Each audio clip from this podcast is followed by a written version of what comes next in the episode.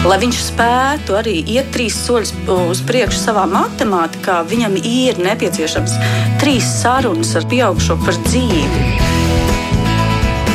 Mēs tiekamies ģimenes studijā.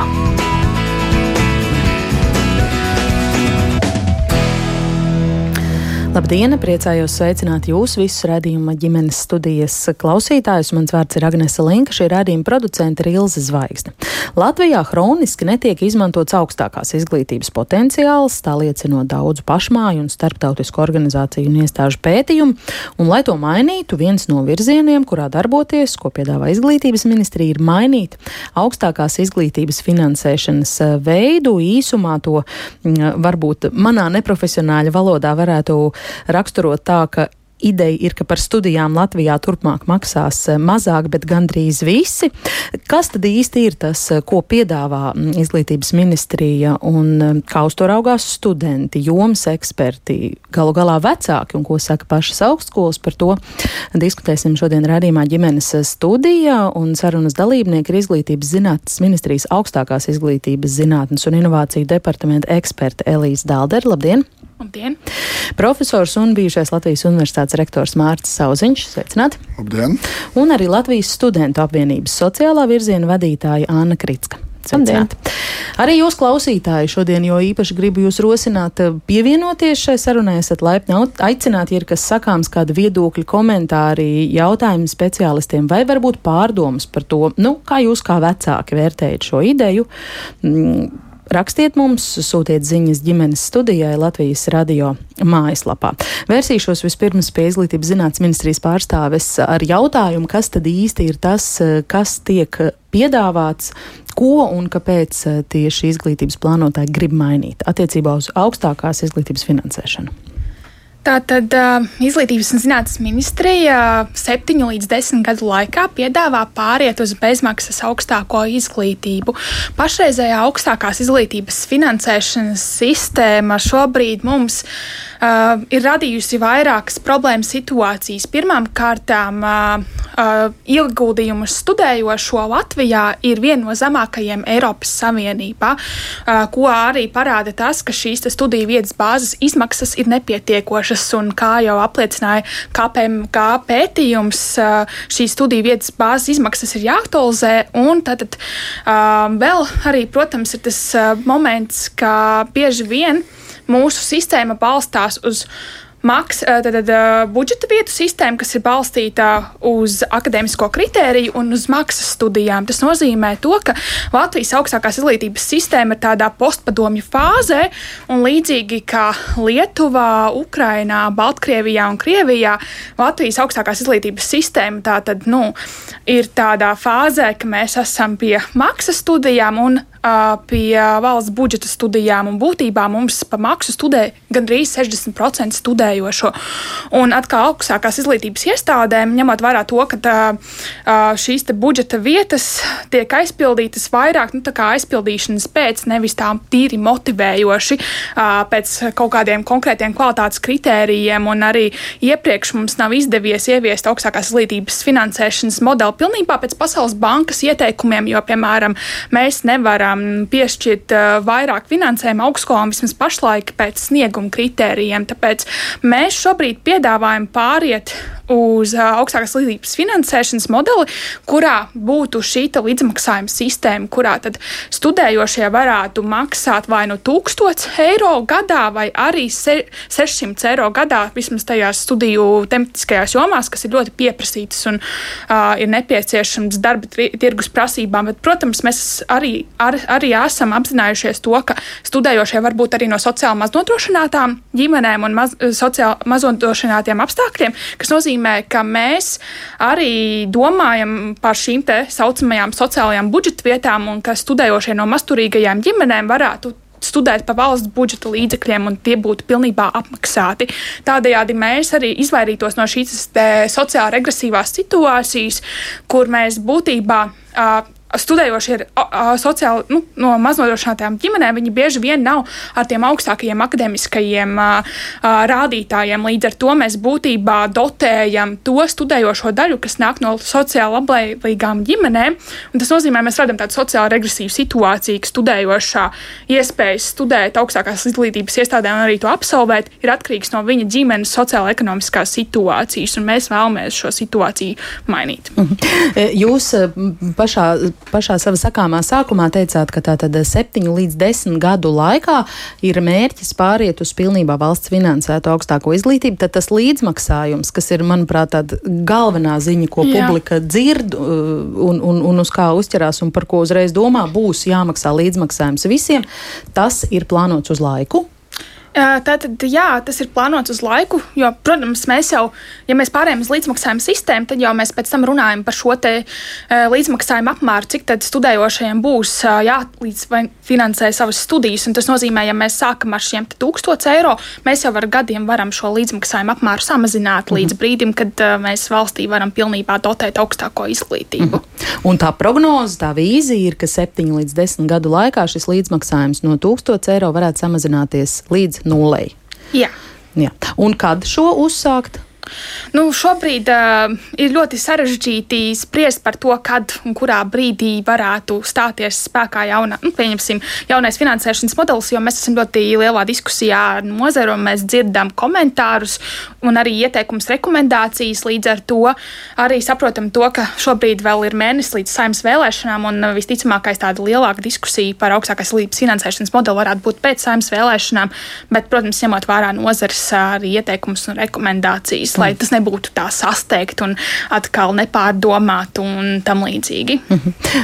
Vai pastāv iespēja, ka tas būs no 2023. gada? Nu, ja šīs diskusijas būtu, eh, būs veiksmīgas, tad uh, tas nu, plāns, vismaz reforma plāns, ir domāts, ka no 23. gada varētu jaunie studējošie, kas stāsies iekšā pirmajā kursā, ka viņi varētu jau maksāt šo līdzmaksājumu, un mēs arī varētu ieviest šīs sociālās budžeta vietas. Mm -hmm. Un uh, pēc tam nu, uh, tas būtu tas plāns, un tad, protams, tālāk jau sekojoši varētu būt domas par šī līdzmaksājuma samazināšanu ar gadiem.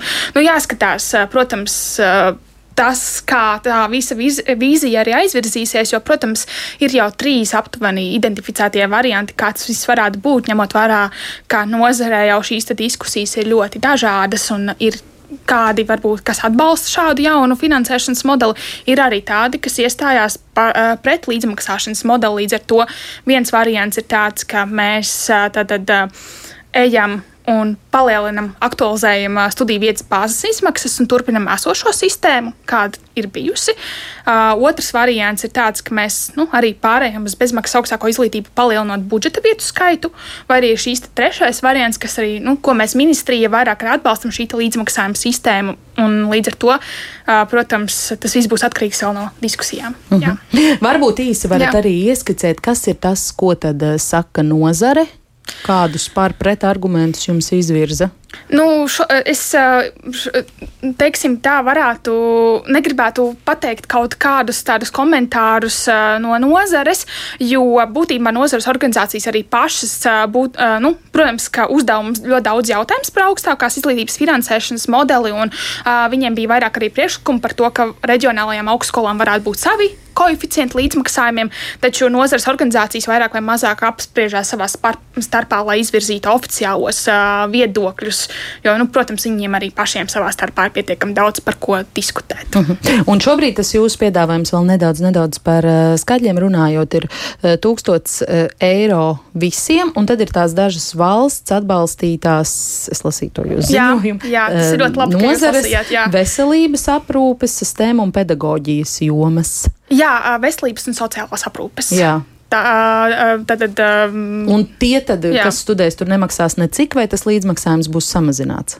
Viņiem samazināts būs līdzmaksājums uz 600 eiro mēnesī. Pieņemsim, veselības aprūpes jomā tas varētu studējošiem būt ļoti liela priekšrocība, ņemot vērā to, ka, pieņemsim, zobārstniecības studijās vidēji tiek maksāti 12,000 gadā. Nu, līdz ar to, ja viņiem būs jāmaksā 600 eiro gadā, būs, nu, tas būs ļoti liels finansiāls atvieglojums, plus arī Mums ir pieejama kreditēšanas sistēma, un tā ir nodrošināta. Studējošie arī pēc studijām varētu, varbūt tās mēs varētu domāt par tādu pēcmaksas sistēmu, ka līdzmaksājums pēc studijām, ja studējošais paliks Latvijā un būs Latvijas nodokļu maksātājs, viņš varēs, tad, tad viņam tiks dzēsts šis līdzmaksājums.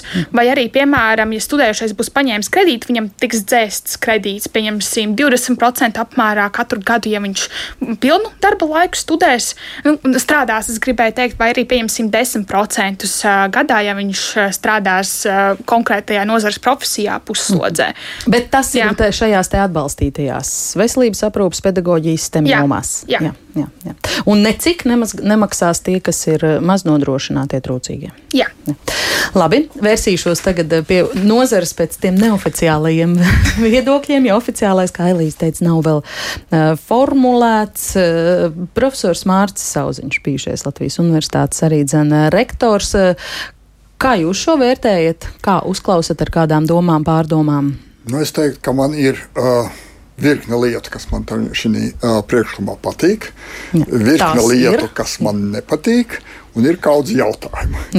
nu, varbūt es ātri mēģinu tai secībā iziet cauri. Tad tas, kas man patīk, ir tas, ka uh, pie šādas. Uh, finansējuma sistēmas, pirmkārt mēs risinām šo sociālo jautājumu.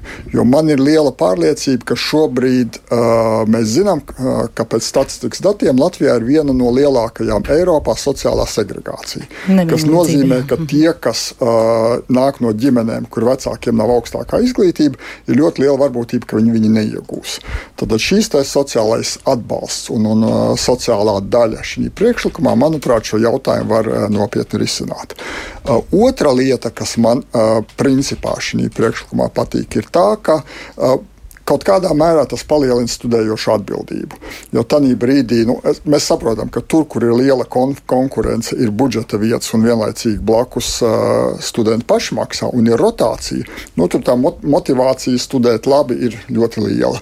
Uh, programmās, kur nevienmēr ir aizpildīts pat budžeta vietas, uh, motivācija nevienmēr ir pietiekoši augsta. Un, ja students ar kaut kādu finansējumu piedalās šajā procesā, nu, tad viņa tā sajūta, ka nu, es arī gribu atdevi no pedagogiem, ka es pats ieguldos procesā, varētu būt gana liela. Tas, kas man uh, nepatīk, jeb šķiet problemātiski, ir tas, ka šīs STEM jomās, kur šobrīd mēs knapi aizpildām budžeta vietas un brīžiem neaizpildām budžeta vietas, ja mēs uh, ievadam līdzmaksājumu 600 eiro var diskutēt, vai tas ir daudz vai maz. Daudziem tas var būt gana daudz. Uh, mēs patiesībā vēl vairāk cilvēkus no šīm, šīm jomām, manuprāt, uh, attālinam. Jo, ja uh, man vēl jāmaksā papildus, nu, tad varbūt es meklēšu kādu citu vietu, kur, kur uh, es varu studēt citādi. Respektīvi, uh, šī ir viena problēma, ko es šeit pavisam noteikti redzu. Uh, otra uh, lieta, kas varētu izpausties šajā sociālajā blokā. Uh, Tanī brīdī, kad mēs ievedam šādu te, uh, līdzmaksājumu, Uh, mēs visu laiku sakām, ka sociālā zinātnē mums speciālisti ir vairāk nekā valstī ir nepieciešams. Uh, studēt kļūst lētāk vidēji student, studentam sociālās zinātnēs. Līdz ar to uh, nu, iespējams, ka mēs patiesībā šo disbalansu starp STEM medicīnas aprūpi, kur mums trūks speciālistu un sociālām zinātnēm, varam vēl padziļināt. Disbalans būs vēl lielāks. Lieta, kas man galīgi nav skaidra, ka saprotu, ministrija šobrīd ne, negrasās ierobežot studējošo skaitu Latvijā. Ja tā ir, tas nozīmē, ka jau pie šī brīža sociālā, uh, sociālo zinātņu studentu, studentu skaita, uh, tad tūkstoti maksās studenti, pārējo maksās valsts visiem sociālās zinātnēs. Latvijas universitātes gadījumā mēs esam nelielu uh, kancleri, mums ir nelielu aplēsi uh, izdarījusi. Mūsu gadījumā ir super. Uh, valsts dotācija Latvijas universitātei palielinās apmēram divas reizes, no 20 miljoniem uz 40 miljoniem.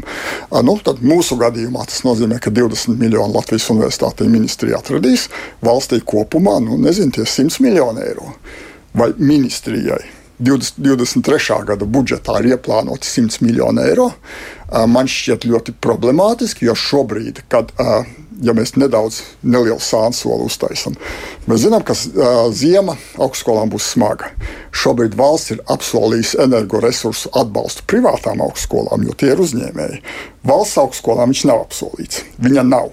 Uh, mēs zinām no publiskās telpas un diskusijas Latvijas universitātē, ka augstskolas apsver iespēju, ka kādu mēnešu būs jāstrādā attālināti. Tas nozīmē, ka pat relatīvi nelielas summas šī kontekstā, mm -hmm. lai atbalstītu augstskolu darbību, nav. Mm -hmm. Līdz ar to patiesībā man šķiet, ka tīri finansiāli šis vienkārši nestrādā. Mm, labi, dosim iespēju uzreiz ministrijas pārstāvjai arī varbūt Jā. kaut ko pretargumentēt vai skaidrot. Um, um, Pirmais, ko es gribēju pateikt, es gribēju pateikt paldies Māča Auziņa kungam par to, ka viņš ir tiešām iedziļinājies augstākās izglītības finansēšanas tajās, tajā modelī, un viņš ir izlasījis informatīvo, tātad konceptuālo ziņojumu. Un par šo jautājumu par STEM jomām un sociālajām zinātnēm, tas ir tiešām diskusijas vērts jautājums, par ko tiešām nu, mēs arī paši skatāmies tagad uz konceptuālo ziņojumu un pārdomājam savus priekšlikumus, un varbūt iespējams mēs izdarīsim kādas korekcijas šajā jautājumā.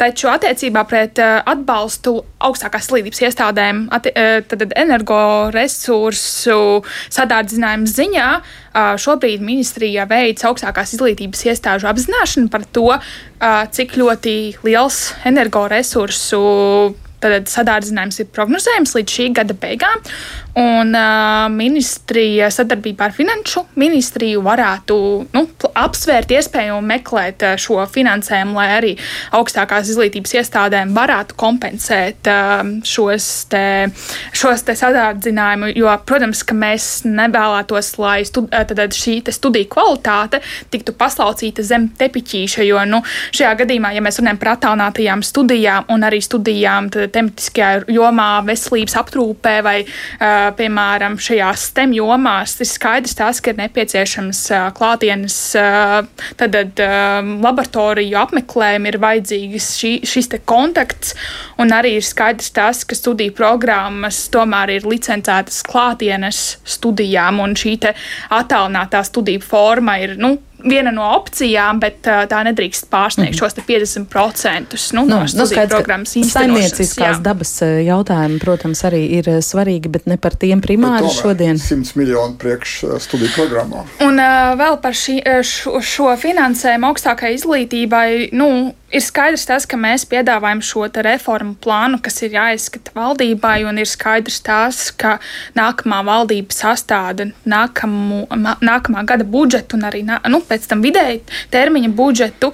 Un, mums ir skaidrs tas, ka mēs nevaram tad, tad augstākās izglītības finansēšanas modeli ieviest bez papildu finansējuma. Un arī valstī, kā uh, sociāli atbildīgai, vajadzētu arī nu, saprast to nepieciešamību ieguldīt augstākajā izglītībā un redzēt uh, tās uh, tālāko ietekmi nākotnē, kas ir atspoguļojās uz nodarbinātības rādītājiem un uz inovācijām un citām tautsēmniecībās svarīgām jomām. Līdz ar to mēs piedāvājam šo reformu plānu, un, protams, par finansējumu, protams, lemj valdība, ministru kabinets, bet uh, mēs arī nu, paužam un uh, esam aprēķinājuši tos reālos uh, skaitļus, kas ir nepieciešami. Mhm. Tas, kas ir minēts šajā jūsu ziņojumā, un tas, ko gari un plaši iesākumā es jūs lūdzu raksturot, ir šis scenārijs uh, B, ja es pareizi saprotu. Jā. Un, ja Auziņa kungs par cipariem, tad par, par skaitļiem, tad scenārijs A un scenārijs C, cik salīdzinoši tie izmaksātu? Tad? Tātad A variants bija valsts dotēta augstākā izglītība. Tas nozīmē to, ka mums aptuveni, es šobrīd saku aptuveni, tiem vajadzētu būt vairāk kā 160 miljoniem. Tātad vēl vairāk vajadzīgs, jā? Jā šis līdzmaksājuma variants ar nu, ļoti daudzām komponentēm. Nu, es tagad uh, uz sitienu neatcerēšos mm -hmm. to skaitli no galvas. Tas arī, protams, prasa ļoti liels ieguldījumus, un tie arī ir uh, ap kādiem. Nu, uh, es tagad neatcerēšos līdz 100 miljoniem gadā varētu būt nepieciešams. Un tad, protams, ir šīs C variants, kur mēs vienkārši aktualizējam studiju vietas bāzes izmaksas, un tad nākamajam gadam būtu nepieciešama aptuveni 5 miljoni eiro. Mm -hmm. Tad tas tas jā, lētākais jā. variants varētu būt, bet to jūs šobrīd pagaidām nevirzat kā to galveno nu, vēlamo, jā. ja pareizi saprotu. Ļoti pacietīgi un ilgi Anna Kritska, Latvijas studentu apvienības sociālā virziena vadītāja, ir klausījusies kolēģi teiktajā. Anna, došu jums vārdu vārdu. Eh, stāstiet, ko paši studenti par šo domā, kā vērtē. Es sapratu, ka bija, ir eh, piesardzīgs optimisms un tiek saskatīti arī dažni dažādi riski. Uh, jā, protams, un arī no Latvijas uh, studentu apvienības puses mums tāda oficiāla nostāja vēl top uh, tieši par šo augstākās izglītības finansēšanas modeli.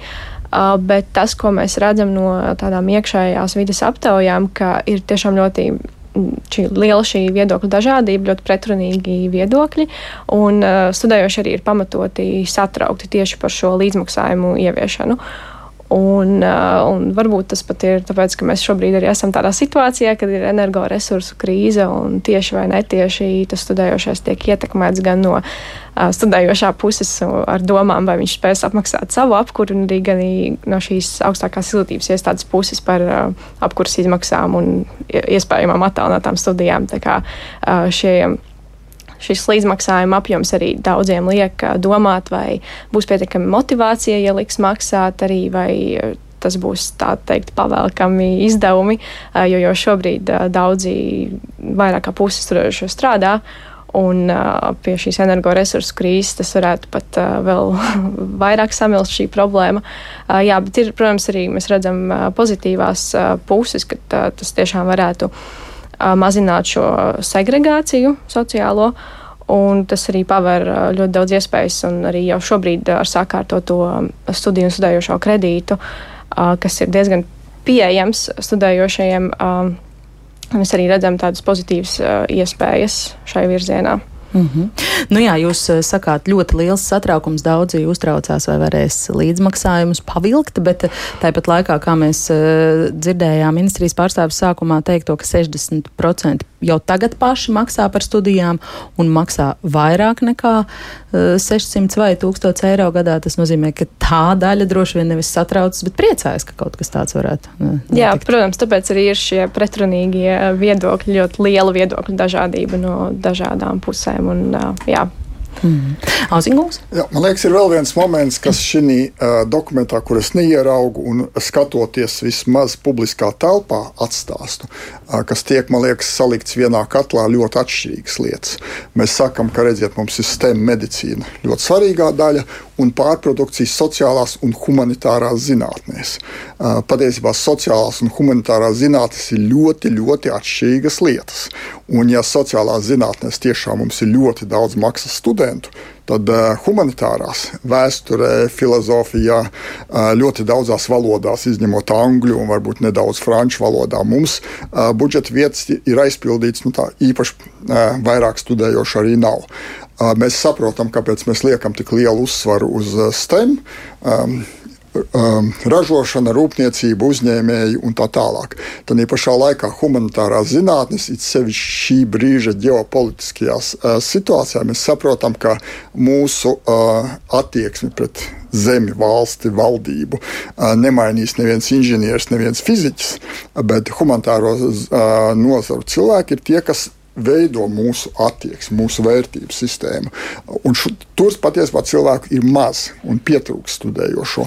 Un šī dokumentā mēs neko šo neredzam, ka tā būtu arī viena no prioritārām nozarēm valstī. Un manuprāt, to ļoti noteikti vajadzētu dokumentā iestrādāt, jo nu, šis ir, kā es ik pa brīdim mēģinu uzsvērt, bet mani nepārāk sadzird, tas ir arī valsts drošības un neatkarības jautājums. Jo kāda būs mūsu attieksme un mūsu sajūta par to, kas notiek valstī, nu, tas uh, daudz ko noteiks.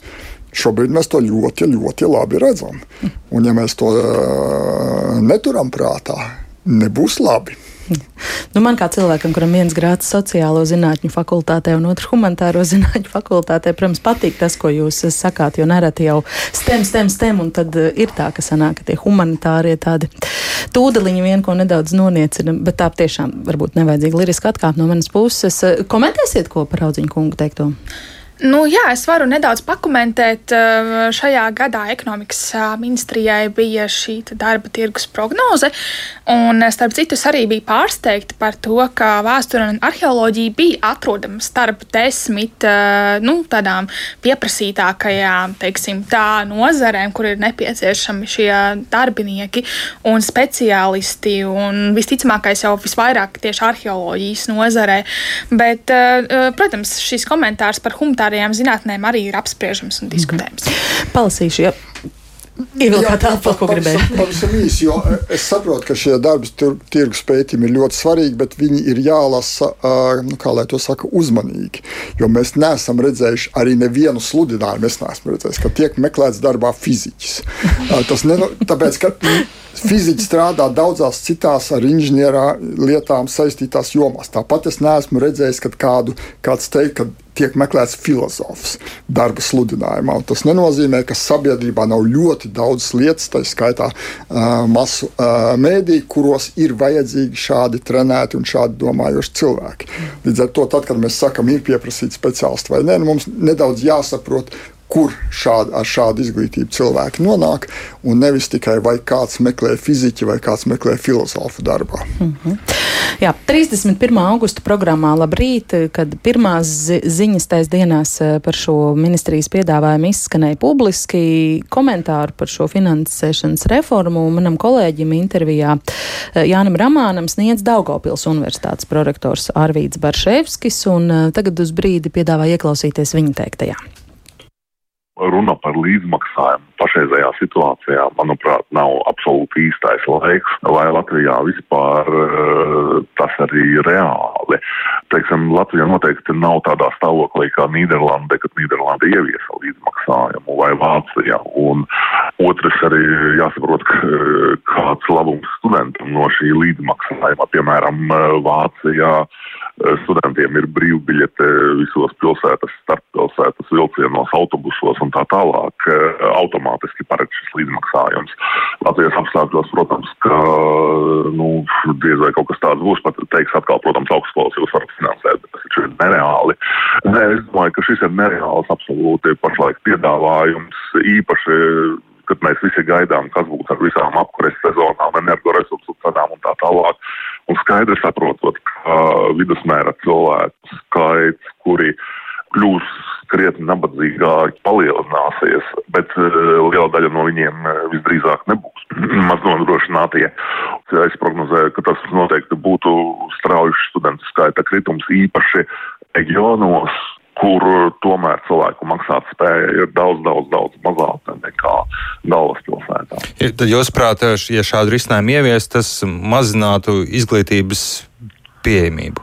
Tas ir acīm redzami, jo, jo mēs labi zinām, kāda ir cilvēku maksātspēja, kāda ir cilvēku maksātspēja reģionos. Jā, un tāpēc, teiksim, Daugavpils universitāte noteikti neatbalsta un neatbalstīs šādu priekšlikumu, jo īpaši mazināsies tāpat trūkstošais studentu skaits eh, šajās valstī nozīmīgajās STEM jomās, jo tagad, eh, kad ir budžeta vietas un, un, un ir diezgan grūti piesaistīt cilvēkus, jo skolā nemācās fiziku, matemātiku, bioloģiju, ķīmiju, jā, un, un par to būs vēl jāmaksā šis līdzmaksājums. Es domāju, ka STEM jomas paliks pavisam tukšās. Nu, ministrija gan šajā projektā saka, ka tie mērķi ir tieši pretēji, tie paši labākie - mazināt sociālo nevienlīdzību, veicināt pieejamību un galu galā pāriet arī uz pilnībā valsts finansētu augstāko izglītību. Jūs to šajā piedāvājumā īsti, cik saprotu, nesaskatāt tieši pretēji. Uh. Nē, nē, tas, tas viennozīmīgi būs pretēji. Nu, padomājiet paši, ja, ja, ja cilvēkam, teiksim, arī budžeta vietā jāmaksā lielākā daļa no, nu labi, dabas eksaktajā šajā zinātnē tā nebūs lielākā daļa, bet, teiksim, sociālajā tā noteikti būs lielākā daļa no studiju maksas. Nu, tad dabiski, ka studēt gribošo, ne, ne tikai gribošo, bet studēt varošo skaits būtiski samazinās. Jā, mēs redzam, ka mums tepat kaimiņos, Igaunijā, studijas valsts valodā, piemēram, ir bez maksas, ir arī citas valstis, kur var doties studēt nu, vai nu par brīvu vai lētāk. Tas nozīmē, ka nu, potenciāli varētu draudēt tas, ka mūsu gudrākie prāti aizplūst no valsts. Tas arī ir viens no aspektiem, jo Ziemeļa Eiropā kopumā šī izglītība ir valsts finansēta vairumā gadījumu. Un, protams, jārēķinās, ka Ziemeļa Eiropā dzīvošanā, jo ļoti bieži mēs runājam, ka uh, izglītība bez maksas, bet reālā dzīvošana tur ir ļoti dārga. Un, un daļai, ka tur arī nevarēs aizbraukt tam, kuram naudas nav, jo tur varēs tikai labi situētu vecāku bērnu braukt. Bet, uh, protams, ka prāta noplūde kaut kāda varētu būt pēc tam, kā pieredze rāda šie cilvēki jau vairumā neatgriežas uh, atpakaļ uz Latviju, jo viņi tur iekārtojas un atrod darbu un paliek dzīvot. Manā skatījumā tā tomēr ir valstī izšķiršanās, pie tam politiskā izšķiršanās. Jā, ir vajadzīgas lielas naudas, jā, pilnīgai pārējai valsts finansēt augstāko izglītību. Bet, ja saliek kopā to, ko, piemēram, rāda arī, ko var atrast Eurostat datos jo valstī ir lielāks skaits cilvēku ar augstāko izglītību, jo valstī ir augstāks vidējais dzīves līmenis, jo valstī ir uh, zemāka kriminālā situācija un tā tālāk, un tā tālāk, un tā tālāk. Arī pat bezdarbnieku rindās, pat mūsu Latvijas gadījumā tas ir redzams, ka cilvēki ar augstāko izglītību uzturas daudz īsāku laiku, teiksim, viņi ir fleksiblāki, viņiem ir savādāka domāšana, viņi ātrāk atrodas. Anna Valsts saka, ka, ir, ka vēlas pāriet uz šādu valsts finansētu. Kādu jūs redzat, kāds būtu tas labākais veids, kā to izdarīt? Šis nē, Kas būtu labākais? Eh, ja valsts tiešām domā par pārēju uz pilnību valsts finansētu sistēmu, eh, pakāpeniski ir jāpalielina šīs studiju vietas bāzes izmaksas, un pakāpeniski to darot, tas ir izdarāms, kā to izdarīja Igaunija. Otrs, iespējams, noteikti vajadzētu striktāk atrunāt varbūt arī budžeta vietā studējošā kaut kādus pienākumus. Ja students, piemēram, pats pārtrauc studijas šajās eksaktajās zinātnēs, iespējams, ka līgumā varbūt ir jābūt iestrādātai arī normai, ka viņam kaut kas daļēji vai, vai, vai pilnībā ir jāatmaksā par studijām. Bet tas viss ir diskusijas, teiksim, vērti varianti un, un, un, un, un, un jāatrod labākais. Bet, ja mēs ieviesīsim pagaidu līdzmaksājumu, ticiet man, tas būs patstāvīgi un uz ilgu laiku. Mēs noteikti esam pret. Tālāk Daugopils Universitātes prorektors Arvīds Barševskis 31. Eh, augusta programmā Labrīt. Nu jā, viņš iezīmē šo te reģionu problemātiku. Jūs jau arī uh, sākumā to pieminējāt. Varbūt tad vēlreiz, cik rūpīgi ir izvērtēts tas, kādu uh, iespēju šis varētu atstāt uz reģionos esošajām valsts finansētajām augstskolām un, jā, nu, nereāls piedāvājums, saka prorektors.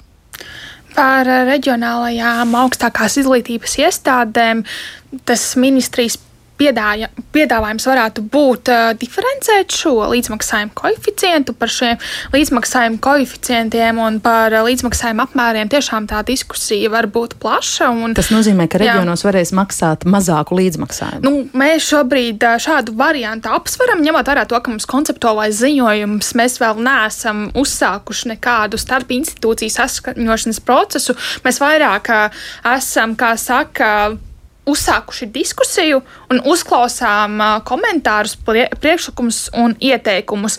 Un šajā gadījumā mēs arī vēlētos dzirdēt tādu nu, detalizētāku Daugopils universitātes piedāvājumu attiecībā uz to, kā viņi redz, kas būtu nepieciešams, piemēram, priekš reģionālajām augstskolām, kā kā tad mēs varētu nu, teiksim, tā, tu, šo situāciju mainīt. Jo ir skaidrs tas, ka, protams, ka reģionos augstskolām ir nedaudz citādāki mērķi nekā, piemēram, zinātnes universitātēm. Un, tad, protams, ka reģionālajām augstskolām ir nepieciešams pildīt šo vietējo lokālo izglītības centru funkciju un arī zinātnes centru funkciju. Un, un šajā gadījumā tiešām mēs arī gribētu dzirdēt ne tikai to kritiku attiecība, nu, tiešām, kas ir pausta pret mūsu augstākās līnijas finansēšanas modeli, bet arī kādus konkrētākus ieteikumus un priekšlikumus. Mm. Nu, cerams, ka jums būs tāda iespēja ar viņiem sar Jā. sarunāties. Auzinkungs, es gribu mums visiem atgādināt, ka nav Latvijā reģionāla augstskola. Jo tajā brīdī, kad gāja runa par augstskolu tipoloģiju un klasifikāciju, tad augstskolas, kas neatrodas pilsētā Rīga, kategoriski uzstājās pret to, ka mums būtu reģionāls augstskolas un ka viņas kaut kādā veidā atšķirtos no augstskolām lielajās pilsētās. Nu, piedodiet, tad bet, man ne, bet, neprecīzi ne, izteiksmi. Ne, šeit, ne, Tās ir tā, augstskolas, kas atrodas es reģionos. Nevis, uh, jūs labojat, bet, tas sākot no uh, mana kolēģa Barševskis, izskatīt no ministrijas, izskatīt, ka mēs runājam par reģionālām augstskolām. Šis nav tā kā, lai kādu kritizētu, bet drīzāk runājot par to, ka nu, mums nevajadzētu šādā situācijā teikt, ka nu, vienas augstskolas, tad, kad viņām tā kā ir izdevīgi, tad mēs tā kā esam laukos, mēs esam citādi, un tad, kad mums tas nav izdevīgi, tad mēs esam tādi paši kā visi citi. Mm.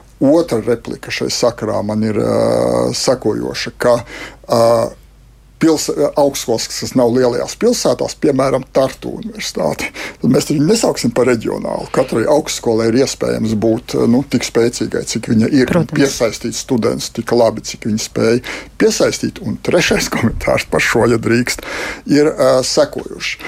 Mēs ļoti labi zinām, ka pēc valsts statistikas, jo augstāks jūsu izglītības līmenis, jūsu iespēja daudz pelnīt palielinās. Protams. Maģistri pelna vairāk nekā bakalauri, doktori vairāk nekā maģistri. Līdz ar to pie šī līdzmaksājuma, ja viņš parādīsies, un kā es saprotu, viens no modeļiem paredz, ka patiesībā tāda vai citāda kredīta formā to ir iespējams saņemt. Tad nav tā, ka man uzreiz rītā iestājoties augstskolā ir jāsāk maksāt. Un es nezinu, ko Anna teiks, bet diezgan daudz studentu man ir teikuši uz jautājumu, nu, būs jāņem kredīts, vai tas tevi ļoti satrauc. Un tādi, manuprāt, ļoti gaiši un motivēti studenti man saka, nē, tā ir mana investīcija manā nākotnē. Es saprotu, ka šādi investējot, es būšu sekmīgāks dzīvē. Un rezultātā tas viss atnāks man atpakaļ. Līdz ar to teikt, ka, ka šis līdzmaksājums ir tikai sloks, nē, tā ir investīcija cilvēka nākotnē, ar pārliecību, ka šādā veidā tas viss nāks ar uh, uzviju atpakaļ. Un, un, un iespējams, kaut kādā nākošos dzīves posmos atmaksāt šo kredītu nebūs sarežģīti. Vēl vairāk strādājot noteiktās nozarēs, viņš vienkārši tiks norakstīts. Mm -hmm. Tā kā es to nedramatizētu tik mm -hmm. lielā mērā, ka šis līdzmaksājuma parādīšanās nokauj iespēju studēt studenti? Jā, es tieši gribēju pieminēt uh, studiju kredītu un studējošā arī. Um, uh, jo šobrīd tiešām ir ļoti pieejams studiju un studējošā kredīts, un, uh, un vairs nav, kā bija iepriekš, nepieciešams vēl viens galvotājs, jo galvo Altuma un galvo valsts.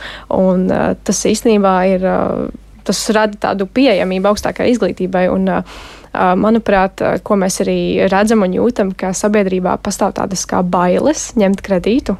Un varbūt būtu jāsāk ar, ar kaut kādu informatīvu kampaņu, ka tas tiešām varbūt ir investīcija sevī, ka, ka, ka, tas nav nemaz uh, tik slikti un beigu beigās tas atmaksājas un varbūt pat kādas procents dzēšas um, pie šī piedāvātā modeļa arī. Jā. Par eh, klausītāju komentāriem nedaudz eh, palasīšu tos, un arī tad vēl dažas replikas un precizējoši jautājumi. Elīna. Raksta neatbalstu līdzmaksājumu visiem studēt, studējošajiem. Tas vēl jau vairāk samazinās studējošo skaitu profesijās, kurās jau šobrīd trūkst speciālistu. Ja summas būtu pāris simtos mērāms, tad ok, bet ne jau 600 vai 1000 gadā. Tas ir plāns samazināt cilvēku skaitu ar augstāko izglītību, bet palielināt mazāk izglītotu cilvēku skaitu, pārvirzot uz vidējo profesionālo izglītību.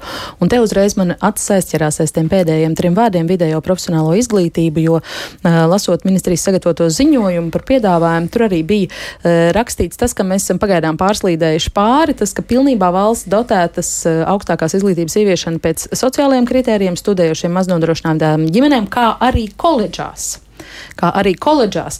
Vai tad šis arī nav tāds um, nu, veids, kā vairāk jaunus cilvēkus pievērst um, tieši vidējai profesionālai izglītībai un samazināt to studējošo skaitu vispār Latvijā?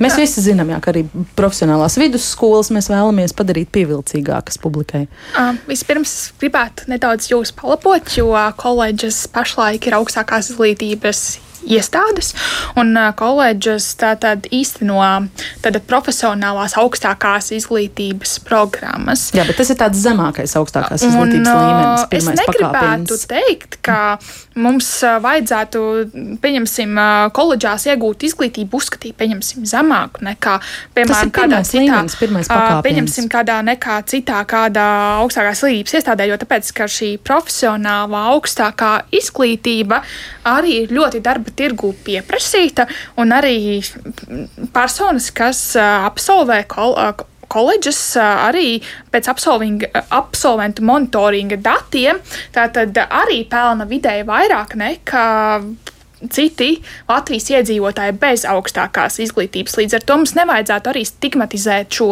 koledžās iegūto augstāko izglītību. Mhm. Labi, Bet es vēl vēl, vēlētos vienu komentāru par to studējošo skaita kritumu, ko, ar ko mēs esam saskārušies sarunās ar nozares organizācijām un arī šobrīd uh, lasot šos komentārus.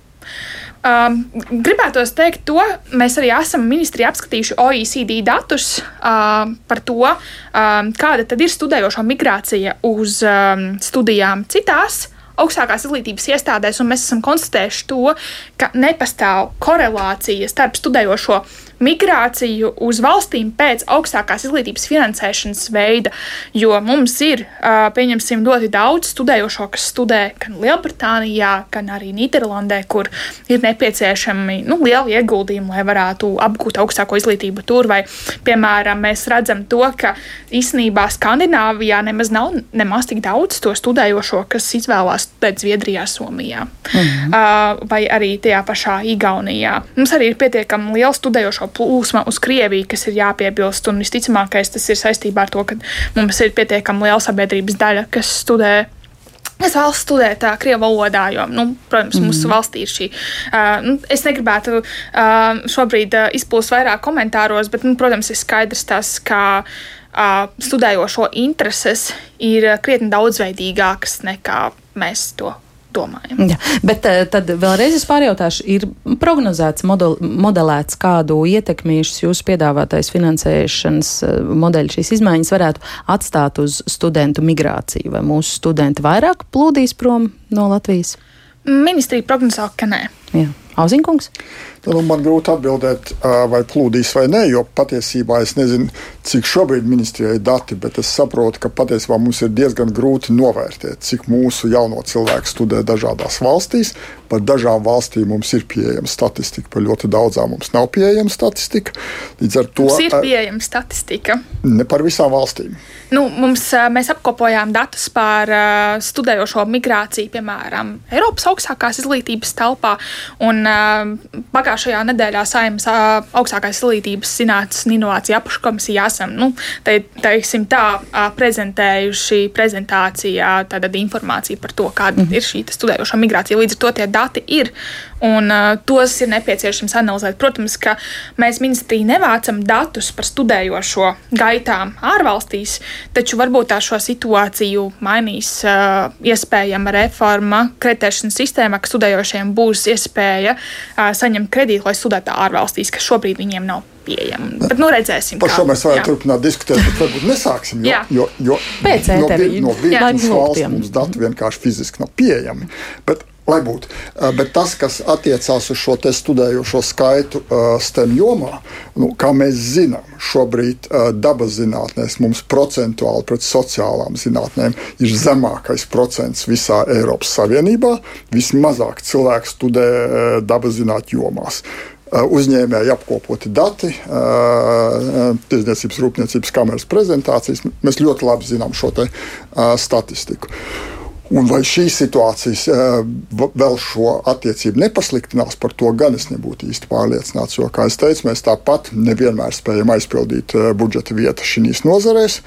Ja parādīsies šis līdzmaksājums, uh, varētu būt, ka vēl būs sliktāk. Mm. Līdz ar to šis ir viens no, manuprāt, lielākajiem satraukuma iemesliem un pārdomu punktiem, vai mēs spēsim nodrošināt ši, šos valstī ļoti svarīgās studiju jomas ar pietiekošu speciālistu skaitu.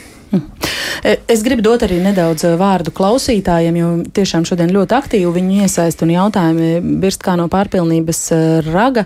Ženija vaicā, kāpēc ne tāds līdzmaksājums kā Vācijā - 200 līdz 300 eiro semestrī. Tas būtu samaksājums lielākajai sabiedrības daļai. Kāpēc tieši šie 1000 eiro? Nevajadzētu jaukt. Vācijā nav līdzmaksājums studijām. Vācijā ir līdzmaksājums studiju, studentu pašpārvaldei.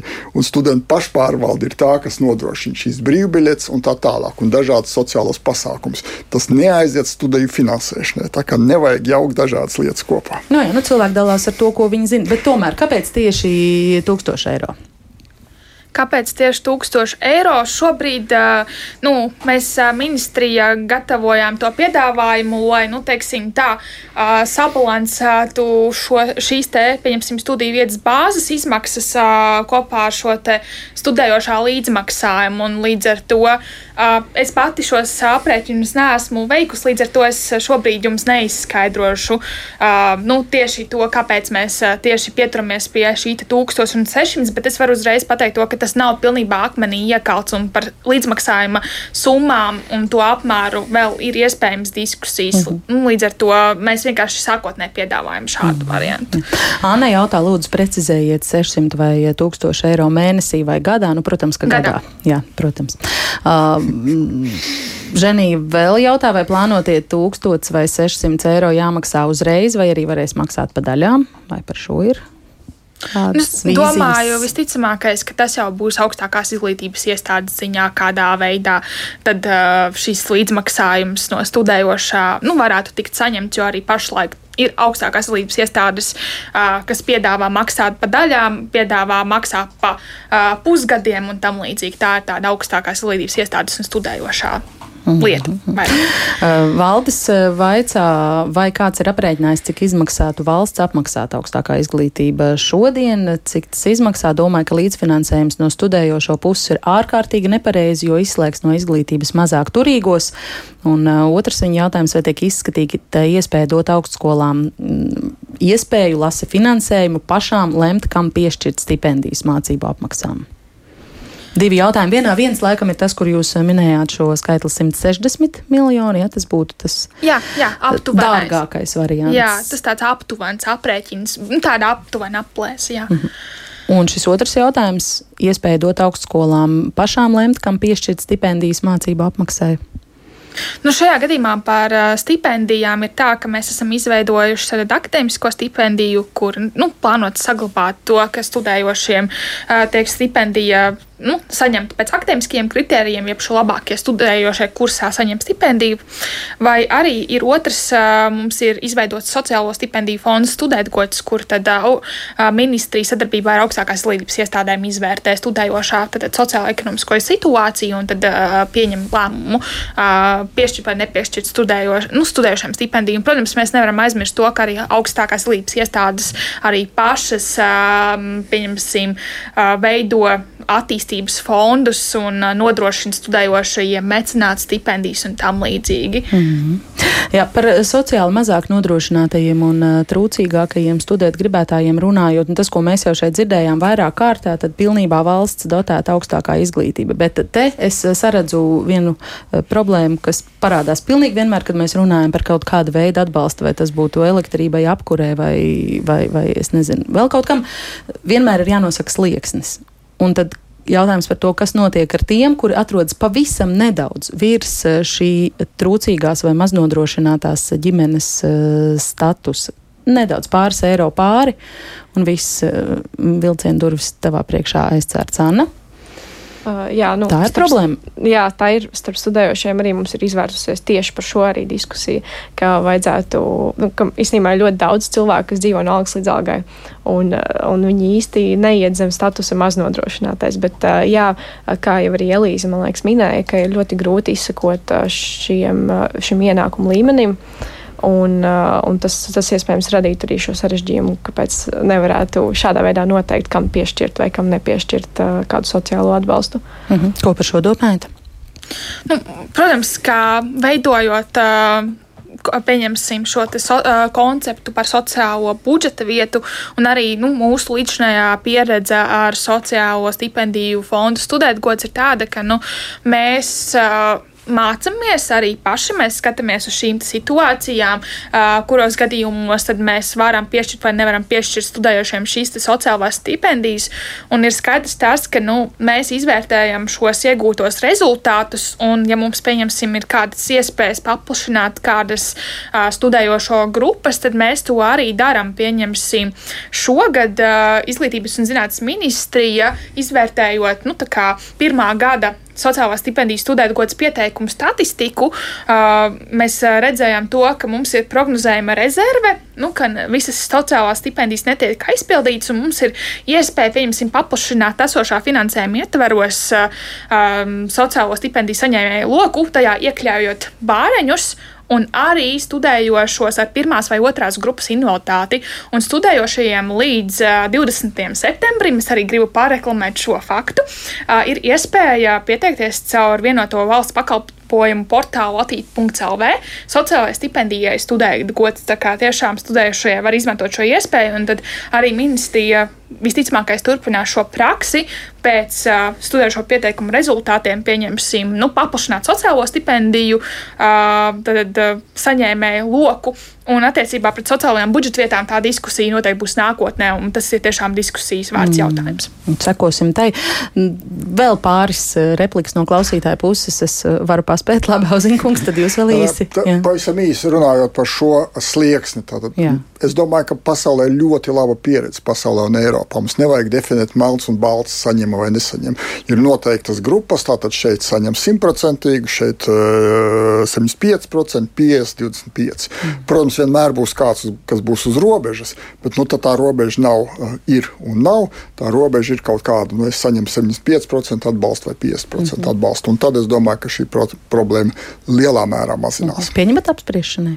Nu, šobrīd so, sociālā stipendijas apmērs ir 160 eiro mēnesī. Līdz ar to nu, šādā veidā diferencēt to sociālās stipendijas apmēru šķiet diezgan neliederīgi. Plus arī drīzāk runa jā. par to, kuri maksās tūkstots stipendiju. Jā, noteikti vai, vai diskusijai, vai tā kā diskusijai vērts mm. ko pārunāt. Nu, tur vēl arī ir jāapskatās šīs administratīvais sloks, kas veidojās, bet, protams, attiecībā pret sociālajām budžeta vietām diskusija ir atvērta, bet attiecībā pret stipendijām, ņemot vērā to, ka stipendijas apmērs ir tik mazs, tad, nu, diezgan smieklīgi man šķiet, nu, tā kā piešķirt uh, studējošajiem, kuram, kuram ir ienākumi pieņemsim, šobrīd ir sociālā stipendijai slieksnis, nu, pieņemsim, 12,000 gadā ienākumi. Tas nozīmē, ka studējušais saņem 1000 eiro mēnesī. Viņam tā, tas ienākums slieksnis. Ja viņš saņems, pieņemsim, 1050 eiro, nu, tad viņam mēs piešķirsim 150 eiro. Nu, piemēram, tas nu, būs diezgan nu, par tā, šiem skaitļiem jā. detalizēti. Citreiz tiešām pēdējās minūtes ir mūsu rīcībā. Es nolasīšu vēl divus klausītāju komentārus. Anna mums raksta, plānotais finansējums būtu pozitīvs impulss manai ģimenei, kur rindā uz augstāko izglītību stāv vēl divi bērni. Trešajam bija maksas studijas, un tā bija diezgan liela maksa un netika samazināta, lai gan visus trīs gadus mācības noridēja attālināt Covid dēļ. Mēs samaksājām vairāk kā ieguvām, raksta šī acīm redzotā mamma. Un, jā, man kolēģi pievērš uzmanību arī kāds Twitter ieraksts augusta beigās. Sanģējs raksta, šodien man ir svētki, beidzot es izmaksāju savu studiju kredītu, 15 gadus katru mēnesi to maksāju, kopš iestājos universitātē, jau 11 gadus kā universitāti pabeidzu. Procentos sarēķināju, esmu bankai samaksājis vēl vienu kredītu, un viņš angliski saka, not recommended. Tātad viņš nevienam šo neiesaka. Nu, tieši šo mēs tagad mēģināsim mainīt vai apiet, ja es pareizi saprotu, šādas situācijas, kur 15 gadus kāds maksā milzīgu studiju kredītu. Jā, es jau varu pieminēt, visticamāk, tas arī ir bijis pēc vecās kreditēšanas sistēmas, jo diezgan nesen tika ieviests tas, ka nav vajadzīgs šis otrs galvotājs, mm -hmm. un arī tās tie noteikumi par kredītņemšanu un dzēšanu arī nu, nu, 15 gadus sens piemērs, kā, kā puisis raksta. Nu, mēs katrs droši vien sabiedrībā ik pa brīdim esam ņēmuši kredītus situāciju, ka mēs divreiz samaksājam man liekas, eh, vismaz visus iepriekšējos gadus nebija reāli. Paldies par šo diskusiju.